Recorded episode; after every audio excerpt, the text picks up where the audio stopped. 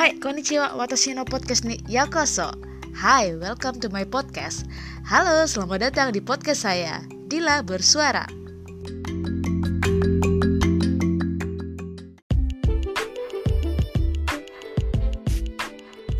Hai, bulan Februari. Selamat datang di Dila Bersuara. Di episode kali ini saya akan mengundang Bodinanda Chandra. Bodinanda adalah seorang kandidat PhD di University of California, Berkeley, Amerika Serikat. Beliau bekerja sama dengan Profesor Kenichi Soga dalam penelitian komputasi geomekanika. Bukan cuma itu doang, beliau merupakan salah satu pemuda Indonesia yang meneliti di tiga benua. Nah, jadi peneliti di tiga benua, apakah dia baik-baik aja? Hmm, filosofi hidup apa yang dia pegang dan apa sih prinsip yang dia ketahui ataupun tokoh-tokoh Indonesia yang beliau sukai, dengerin saja podcast ini.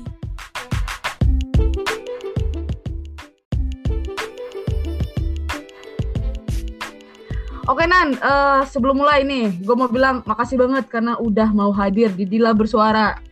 Kayak yang kamu tahu ya, kalau Dila Bersuara itu adalah podcast yang biasanya ngundang uh, para kandidat PhD atau para peraih PhD untuk ya sebenarnya sih bagi-bagi knowledge lah untuk para pelajar Indonesia yang juga pengen kuliah PhD atau yang bahkan bingung nih sebenarnya karirnya tuh mau ngapain? Karena kan banyak banyak uh, persepsi di Indonesia tuh kalau baru lulus itu biasanya pilihannya ya ya paling jadi kalau misalnya S3 paling jadi dosen kalau misalnya lulusan S1 paling jadi industri gitu sel selinier itu pikirannya jadi dengan adanya uh, podcast Dila Bersuara itu pengen sedikit mengacak-ngacak uh, pikiran mereka bahwa dunia itu nggak selinier itu doang gitu nah mm -hmm.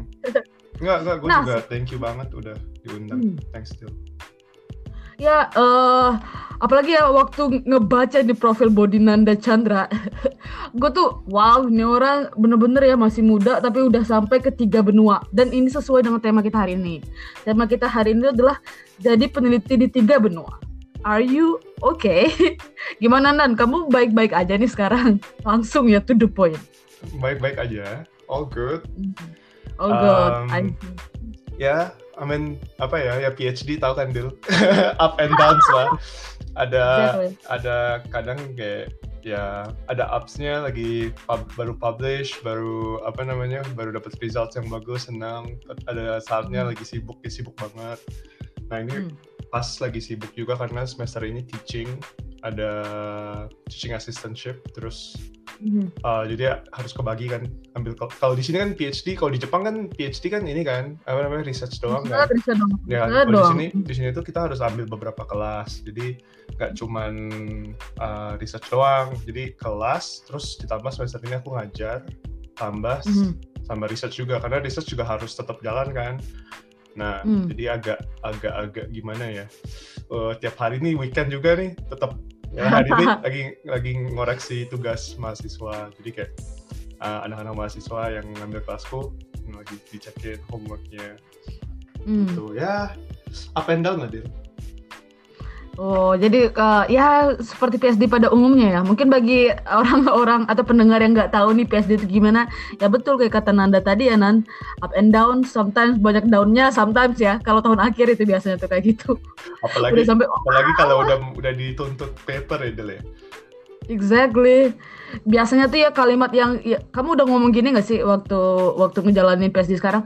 Ngapain sih gue ngelakuin ini? Udah gak sih kalimat sakti itu dibilang? Eh, kadang-kadang tuh kayak orang apa ya? Ya ada sih terkadang lah ya. Terkadang terutama kalau uh, resultsnya itu nggak sesuai dengan ekspektasi dia banyak kan kita kayak oh ini pasti nih keluarnya begini nih. Lah kok keluarnya beda? Ini pasti ada yang salah kan? Nah itu tuh nyarinya itu kadang-kadang oh. harus muter-muter. Nah itu yang oh, sabar. harus sabar bener harus sabar banget sih itu. Nggak kadang-kadang nggak ketemu langsung kan. Jadi memang ada prosesnya untuk apa ya ya cek sana sini kalau nggak ya ya bukan research namanya kan memang research tuh untuk mencari hmm. sesuatu yang mungkin belum ada orang yang pernah temuin tapi explorer ya explorer hmm. tapi dibayar hmm. dengan perasaan puas ketika hasilnya sesuai dengan apa yang kita expect atau enggak ketika kita publish dan uh, reviewers uh, give apa ya good comments good comment. ya good uh, apa ya kayak compliments lah pujian. Hmm. itu tuh rasanya ya, ya seneng banget karena wah up, uh, ya susah sih cuman puas lah ya kesannya. Dan ketika ketika sampai di hmm. situ sih baru pu merasa puas cuman orang-orang nggak ngelihat orang-orang nggak ngelihat ininya nggak ngelihat apa namanya jatuh bangunnya itu nggak kelihatan kan. Amin darahnya ya. Ya nah, research kan sebenarnya kayak kayak gitu kan kayak icebergs kan. Jadi orang cuma lihat lihat suksesnya doang padahal prosesnya itu sangat-sangat banyak gitu Iya benar. Tapi Nan kerennya dari kamu itu, kamu tuh sabarnya sabarnya nggak main-main loh. Sabarnya sampai dapat penghargaan. Salah satu metode numer kamu itu dapat penghargaan apa sih? Gimana sih cara nyebutnya ya? Yang metode waktu master. Oh jadi itu tuh dulu lagi master. Um, hmm. Nah jadi itu tuh dulu nih sekadar cerita juga nih. Jadi pas lagi hmm. master hmm. di Jerman itu aku nggak pengen langsung kelar jadi biasanya kan oh, wow. biasanya kan bisa kelar dua tahun kan, dua tahun master. Sebenarnya hmm. dulu waktu itu ada chance untuk kelar lebih cepat. Cuman hmm. untuk apa kelar cepat? Uh, kalau kita tuh sebenarnya pengalamannya minim gitu loh. Terutama oh, tanpa Ya, hmm. terutama untuk yang pengen lanjut PhD ini. Uh, kalau aku sih dulu ya kayak aku nggak percaya, oh aku bisa riset apa enggak gitu kan. Cuman pengen membuktikan lah kesannya. Sekaligus waktu itu juga pengen jalan-jalan. Jadi makanya waktu tahun 2018 aku uh, sempat cuti kuliah tujuh bulan itu tuh ke apa ya internship gitu loh Dil internship ke hmm. beberapa negara yang waktu itu sempat aku ketemu kamu di Jepang kan pas lagi hmm. internship di Jepang nah terus waktu itu lanjut lagi ke Australia sama oh jadi dua bulan di Jepang dua bulan di Australia sama tiga bulan di Spanyol uh, itu untuk tujuannya untuk cari pengalaman itu sih sekaligus um, buat koneksi um, sama ya research experience lah pokoknya.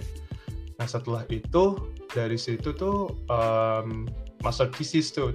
Tesis S2 kan biasanya orang cuma enam bulan kan. Cuman karena aku punya pengalaman banyak sebelum sebelum tesis S2 uh, yang cuma enam bulan dan banyak kan orang enam bulan itu ya tesis S2 itu kalau di Jerman kesannya ya seperti big project gitu lah 6 bulan. Kalau di Jepang kan mungkin anak S2 kan researchnya udah dua tahun kan ya.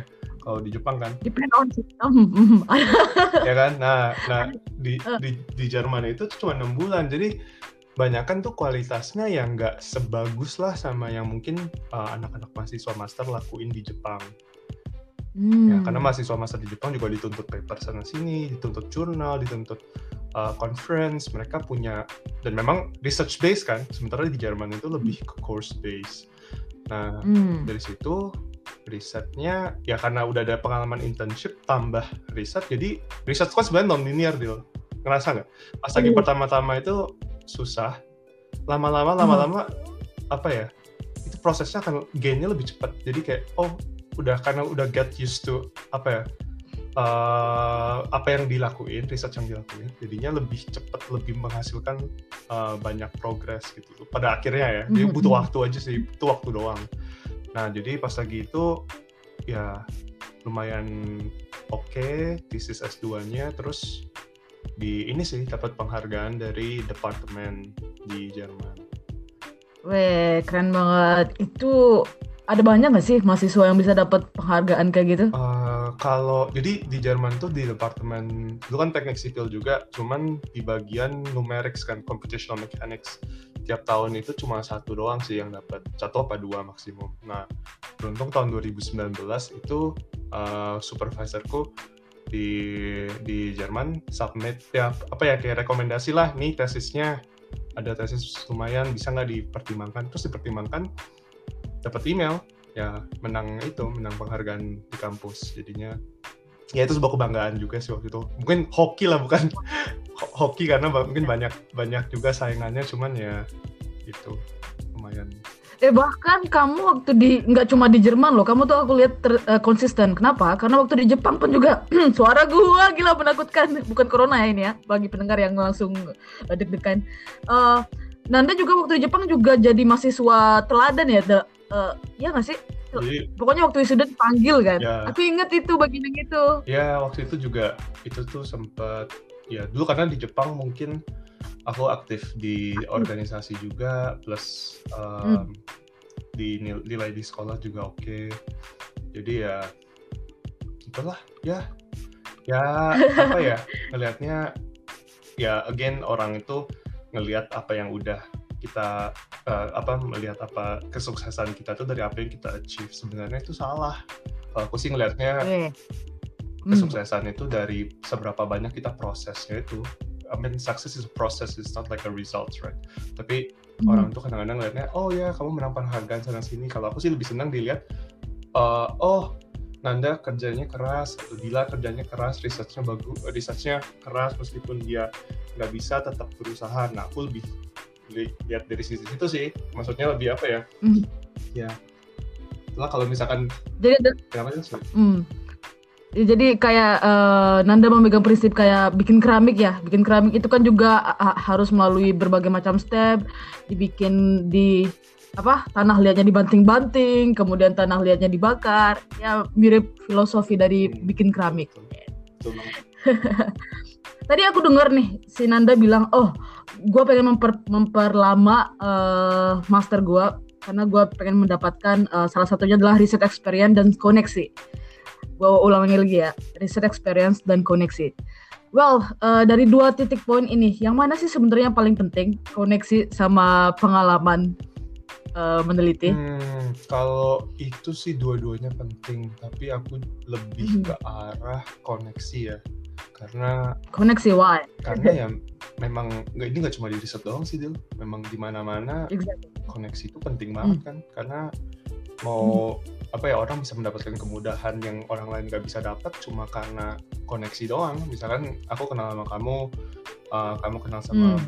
Orang-orang yang dulu kita sempat di Jepang kita sekarang bisa uh, apa namanya um, kolaborasi bareng. Dan karena kepercayaan itu bisa membu uh, apa menimbulkan uh, probability uh, kemungkinan-kemungkinan untuk uh, berkarya bersama gitu. Jadi connection sih sebenarnya. Dan kapan lagi kan nanti kalau udah kalau udah saatnya udah udah settle down dan segala macam itu tuh bakal bakal bakal, susah nggak sih untuk dapat koneksi sekarang tuh masih muda masih bisa ke mana-mana jadi aku pikir ya itu juga sebenarnya pengalaman penting cuman kalau disuruh pilih pengalaman atau koneksi aku lebih ke koneksi Aku setuju banget dengan pendapatnya Nanda. Kenapa? Karena mungkin uh, ada orang yang pengen pergi ke luar negeri karena pengen pengalaman riset. Kalau aku juga, kenapa aku sekarang ini kan berkarir di Jepang nih. Papa juga sempet tanya sih, kenapa sih lama-lama pengen di luar negeri? Ya karena kalau aku pulang mungkin koneksiku bakal berkurang. Sedangkan sekarang aku masih muda, aku pengen cari koneksi dulu pak, biar biar uh, semakin banyak orang Indonesia yang kebantu, misalnya mereka mau ke luar negeri atau mau ke Jepang dan lain-lain. I agree dengan itu. Nah, kalau Nanda sendiri nih, tadi kan aku ngomong sedikit nih alasan aku uh, kuliah di luar negeri dan berkarir di luar negeri. Kalau Nanda sendiri, kenapa uh, instead ngambil degree di Indonesia? Kenapa malah milih ketiga benua bahkan?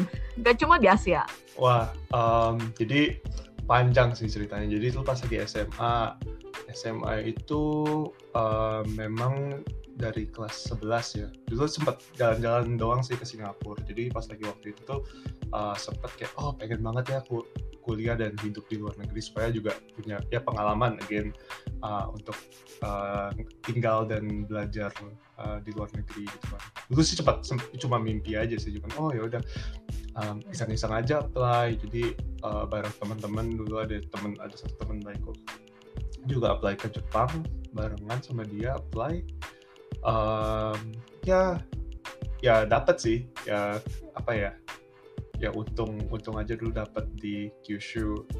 Uh, terus tuh sebenarnya dulu juga dapat sempat dapat di ITB cuman uh, pertimbangannya adalah ke ITB atau ke Jepang. Sementara Jepang juga dapat beasiswa. Beasiswanya lumayan gitu kan.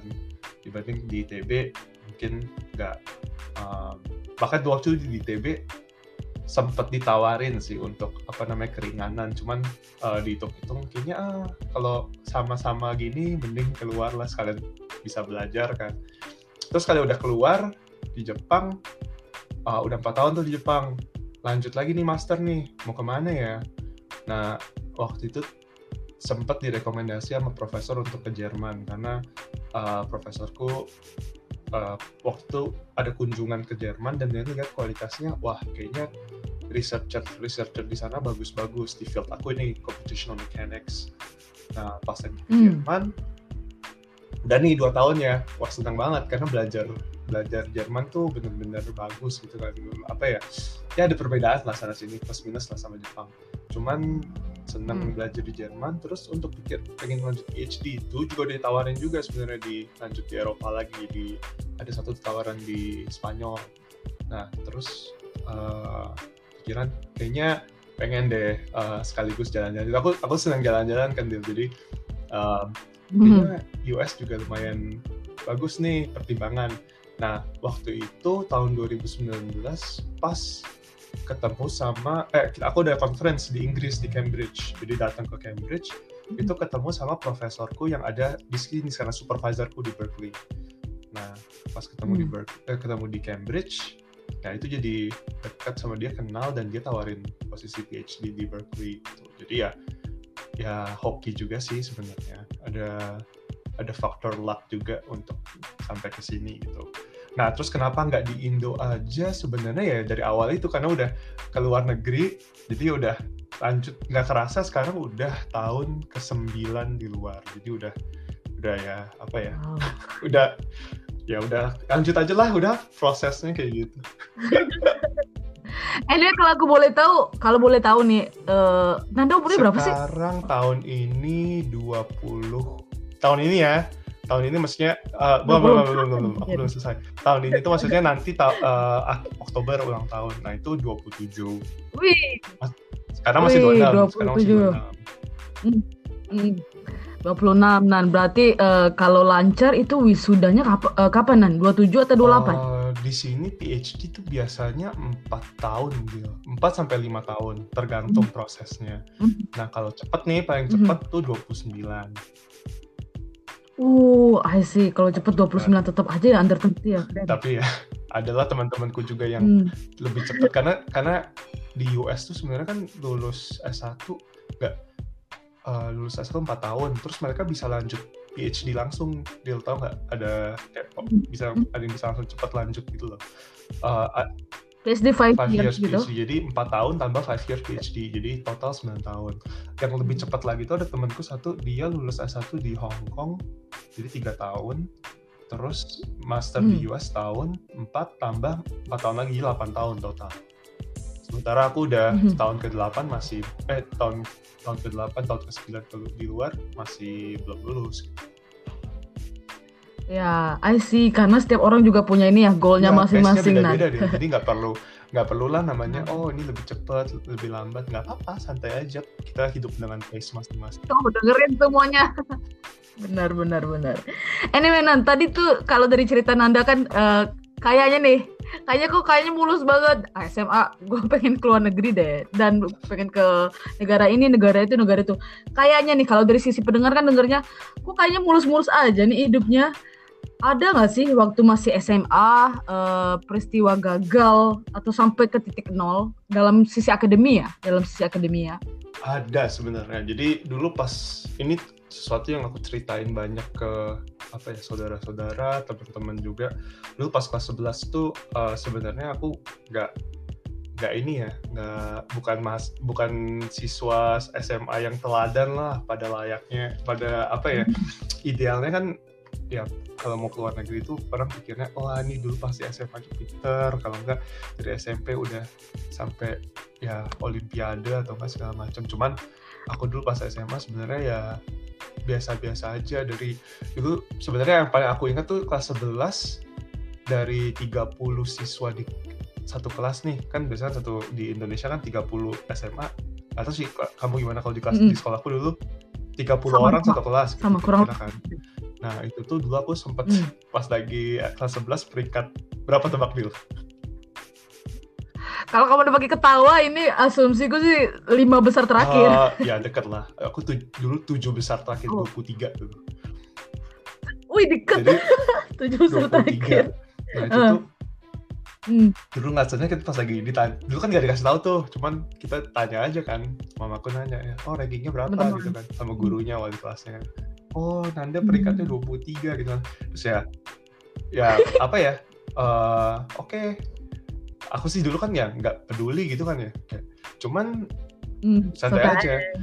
mamaku juga nggak gitu marah. Uh, nggak nggak bukan tipe hmm. orang tua yang kayak uh, marah-marahin tapi dia pernah bilang kayak uh, ya masa depan kamu kamu sendiri yang tentuin gitu. Jadi kayak kalau kamu oke okay nih kamu segini dengan dengan ranking seperti ini puas dengan hasil seperti ini puas ya udah nggak apa-apa jalanin gitu tapi uh, apa nggak lebih maksudnya dia nggak dia encourage lah. Aku juga sebenarnya dia nggak bilang ini sih cuman aku menurutku dari apa yang dia bilang uh, kerasanya adalah yang kayak oh ya apa nggak lebih baik aku belajar lebih ini supaya hasilnya lebih baik lagi ya kan? Nah terus waktu itu tuh sempat jalan-jalan ke Singapura itu yang tadi aku bilang. Jalan-jalan ke Singapura ngeliat hmm. wah untuk kuliah di Singapura nilai segini tuh nggak cukup. Nah, terus dulu apply tuh oh. dulu tuh jadi kelas 12 tuh belajarnya mati-matian kelas 12 belajar mati-matian hmm. uh, sempat semester 1 itu sempat dapet ranking di kelas yang tadi 30 itu tuh lima besar di hmm. kelas hmm. ya jadi Wih. itu tuh dulu tuh guru tuh sampai nanya uh, ada guru satu di SMA aku bukan Apa bukan dia nanya dia dia bilangnya gini ini nih Nanda nih either apa namanya uh, nyontek atau bayar guru gitu Wih, jadi, jadi ya itu uh. jadi um, nah dari sisi itu aku ngelihat tuh sebenarnya nggak ada tuh namanya orang yang uh, lahir pinter sama lahir bodoh tuh sebenarnya nggak ada uh, adanya cuman kamu pengen kerja keras sama nggak aja jadi hmm, bener bener dari bener. situ sih mulai ya, tapi ketika udah ketanam di pemikiran kalau oh sebenarnya itu meskipun kita nggak tahu nih kita bisa tahu loh bisa belajar loh untuk untuk tahu gitu kan nah dari sisi asal ada iya. niat aja kan ya sama curiosity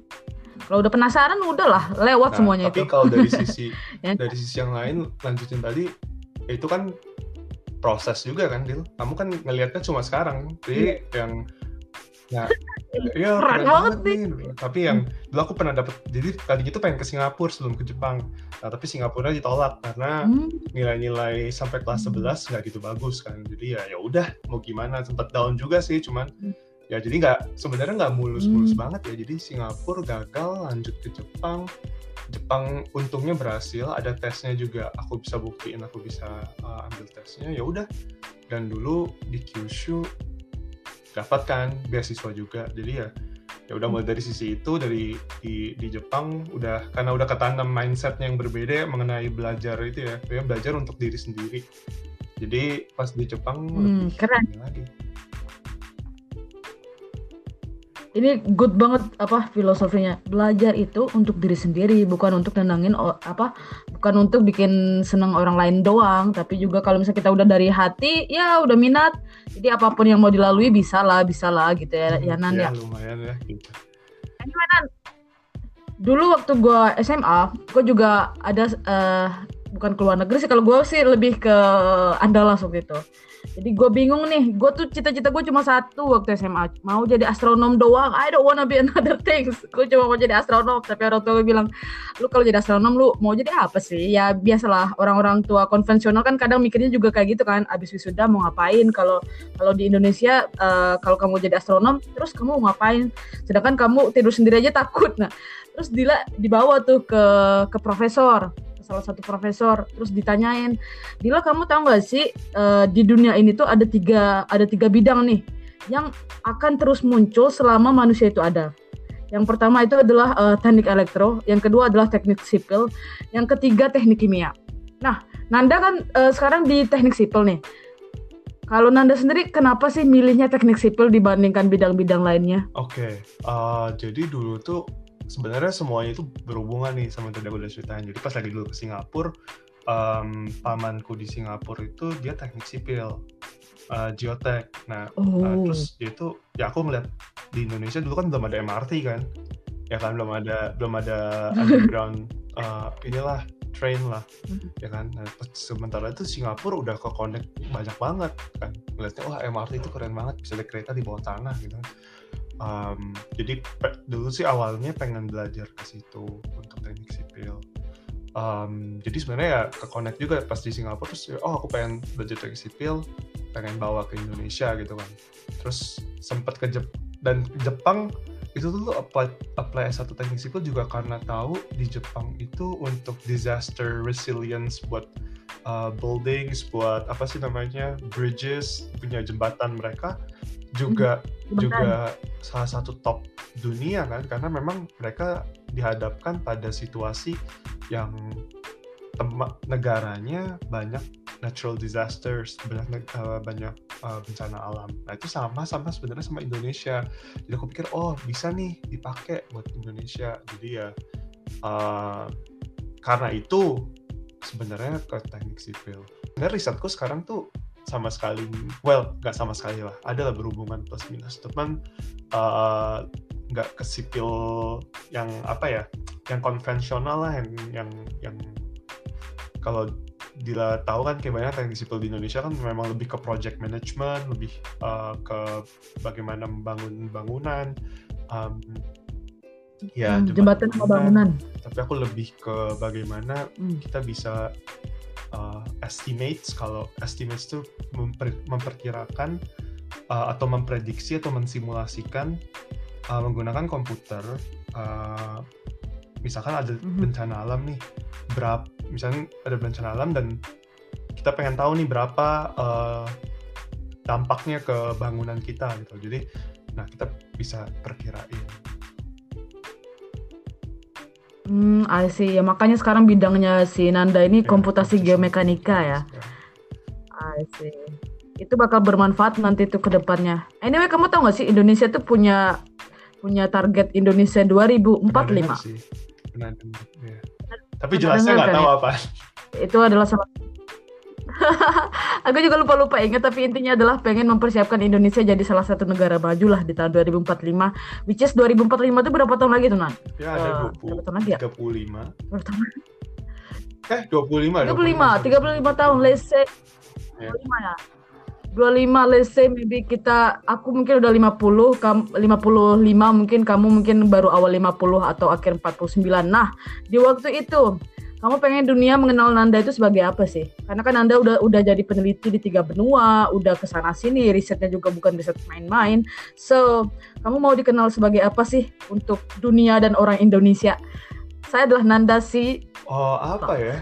Kalau Let's talk about apa life ya? a little bit. Pengennya sih Mhm. sebenarnya nggak pengen yang sampai eh, nggak muluk-muluk lah. Sebenarnya aku juga nggak pengen mimpi terlalu tinggi yang sampai apa. Cuman sebenarnya ya semoga 2045 udah bisa berkontribusi menggunakan apa ya apa ilmu yang kita pelajarin yang kita punya ini untuk uh, masyarakat untuk mungkin generasi selanjutnya. Karena 2045 kan kita berarti udah usia apa ya usia 4, 40 ke atas kan. Berarti udah mau 50-an lah segitulah. Uh, Hmm, Harusnya sih udah jadi ya pakar sih kalau usia segitu ya. mungkin, Udah ya, 20 tahun mungkin industri. udah Hmm. mulai bisa mem- me- apa ya menentukan direction dari uh, mungkin banyak-banyak orang anak anak muda yang lain yang mungkin uh, ada di bawah kita gitu loh. Nah, cuman aku nggak nggak ini sih Hmm. nggak muluk-muluk maksudnya asal ya deal gimana ya deal sampai 2045 itu masih jauh kan jadi ya sebenarnya ap- aku, aku lebih pengen uh, lebih banyak berkarya lagi sih sekarang ya masih muda gitu pengen banyak berkarya lagi. Hmm. kalau dari sisi riset pengen banyak publish uh, nah dari sisi apa ya tapi untuk dari karir ke depannya itu juga salah satu yang masih misalkan nih habis PhD mau ngapain itu banyak kan orang kan nanya-nanya kan Hmm. iya bener Iya, banget itu. kan? Uh, beban kadang pertanyaan itu. Gimana? jadi profesor atau nggak jadi ke akademia kayaknya otaknya masih belum yang sanggup nih kalau postdoc kalau postdoc Panas. ya mungkin juga lah postdoc lah mungkin itu opsi yang bagus gitu tapi apa nggak enaknya kerja juga ya karena karena ya Nah, karena sebenarnya uh, pengalaman industri, pengalaman di apa ya, company segala macam engineering terutama ya itu penting banget kan karena kalau cuma study doang tanpa ada praktikal itu rasanya kurang lengkap gitu loh. Jadi Hmm. I think uh, ya aku juga punya punya pemikiran yang sama banget tuh sama sama kayak Nanda karena karena gue paling males banget nan kalau ada orang bilang alah lu PhD ujungnya paling jadi dosen ya walaupun ujungnya ujung-ujungnya mungkin ujung-ujungnya mungkin jadi dosen tapi setidaknya kan pernah mencoba untuk tidak bikin Iya, itu jadi linear. Tapi sebenarnya ya, Ya ini cuma mindset di Indonesia doang sih. Iya. Kalau kamu lihat ya sebenarnya ah, sama di Jepang mungkin kan Hmm. di Jepang tuh PhD equals to professors ya. Jadi kayak 80% lah. Mostly, mostly. 70 ya. enggak, mungkin aku lebih di atas 50% sampai 70% tuh bakal jadi ke akademia. Ya, nggak, Probabilitasnya ke sana ya? Di Hmm. Jerman cuma satu dari 20 PhD yang ke akademia. Iya. Satu. Cuma satu sa- atau dua dari 20 Oh, PhD. that Perbandingan itu kecil banget karena banyak jadi kayak dulu aku pernah sempat uh, kerja di BMW tau kan uh, mobil BMW Yeah, who doesn't know Nah, that? dulu ya di BMW Siapa dulu kata BMW? sempat kerja di BMW itu tuh bukan cuma bosnya doang jadi uh, mau jadi manajer pun Hmm. bahkan mereka ya mereka nggak hire lagi engineer yang nggak punya PhD jadi ya terutama Oh, udah kecuali kalau mereka engineer praktikal ya. Engineer yang apa yang degree-nya yang memang praktik bukan bukan. Kalau kita kan lebih ke theoretical kan kalau misalnya kayak S1 S2 gitu kan. R&D. Uh, kalau mereka tuh Oh, mungkin yang D3 nah itu mungkin banyak mereka hire untuk bagian teknik lah.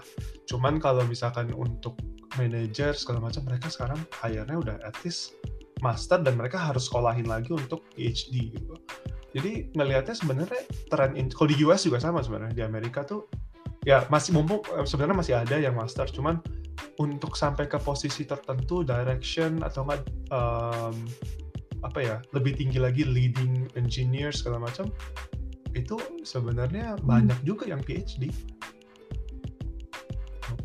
Hmm, jadi ya nggak Iya. se sesempit Sebenarnya itu tuh- ya dunia. sebenarnya sebenarnya ya, mindsetnya. Indonesia Karir, dan karir. ini aja yang masih mungkin mungkin ya aku ngelihatnya ya mungkin masih belum diperlukan untuk PhD uh, sampai ke tapi kalau di sini negara-negara yang mungkin kayak Hmm. Eropa atau nggak di US uh, companies itu juga sebenarnya risetnya bukan main-main loh kayak misalnya Apple segala macam itu yang Silicon Valley tech company itu mereka state of the art dari ini kan dari teknologi kan nah Mhm. mereka juga butuh orang Mhm. PhD untuk situ sebenarnya PhD itu mereka mereka butuhin bukan karena apa ya kemampuan risetnya tapi kerang, Risetnya.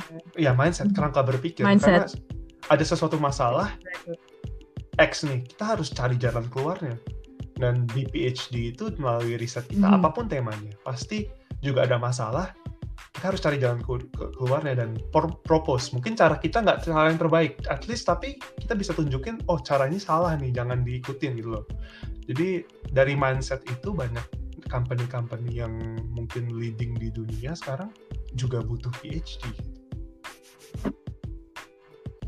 I see, I agree. Aku aku juga eh, nggak terlalu heran sih karena emang di PhD itu juga kerangka berpikir ilmiah atau scientific frameworknya juga biasanya sih udah udah udah kokoh ya. Eh tapi di Jepang itu anak-anak Oh, iya. mudanya lagi musim Fukuoka startup ya? loh sekarang. Terutama Fukuoka itu terpilih sebagai kota startup. Cuma karena corona nih, aduh corona, corona. I don't know, kayak kamu bilang tadi 2045 eh, ada banyak hal yang mungkin susah diprediksi. Nah, salah satunya Iya, kayak iya, corona nggak siapa ada, sih yang bisa ada, jangka nggak bakal ada corona? Siapa yang bisa nyangka berapa apa? eh, Iya. Besok nih ada. selesai gitu. Jadi Tapi ya ada. kapan sembuhnya juga kalau kita nggak bakal tahu kan. Kapan kita bisa keluar dari pandemi ini? Iya. Kami banyak yang bilang ya dua dua tiga tahun, empat tahun, mungkin lebih dari itu kita nggak ada yang tahu. Mhm. Jadi ya ya Fokus itu ke berkarya aja dulu gitu ya. daripada- Fokus daripada berkarya, mengeluh something. daripada mengeluh ah ini nih begini mending udah kita ini aja fokus aja yang kita bisa Hmm. lakuin apa kita lakuin yang kita nggak bisa lakuin ya mungkin dikurangin nggak usah dilakuin Itu dia tadi podcast saya bareng Bodinanda Chandra. Jangan lupa terus berkarya, menambah banyak koneksi, dan apa yang buat kita jadi kita, let's explore it.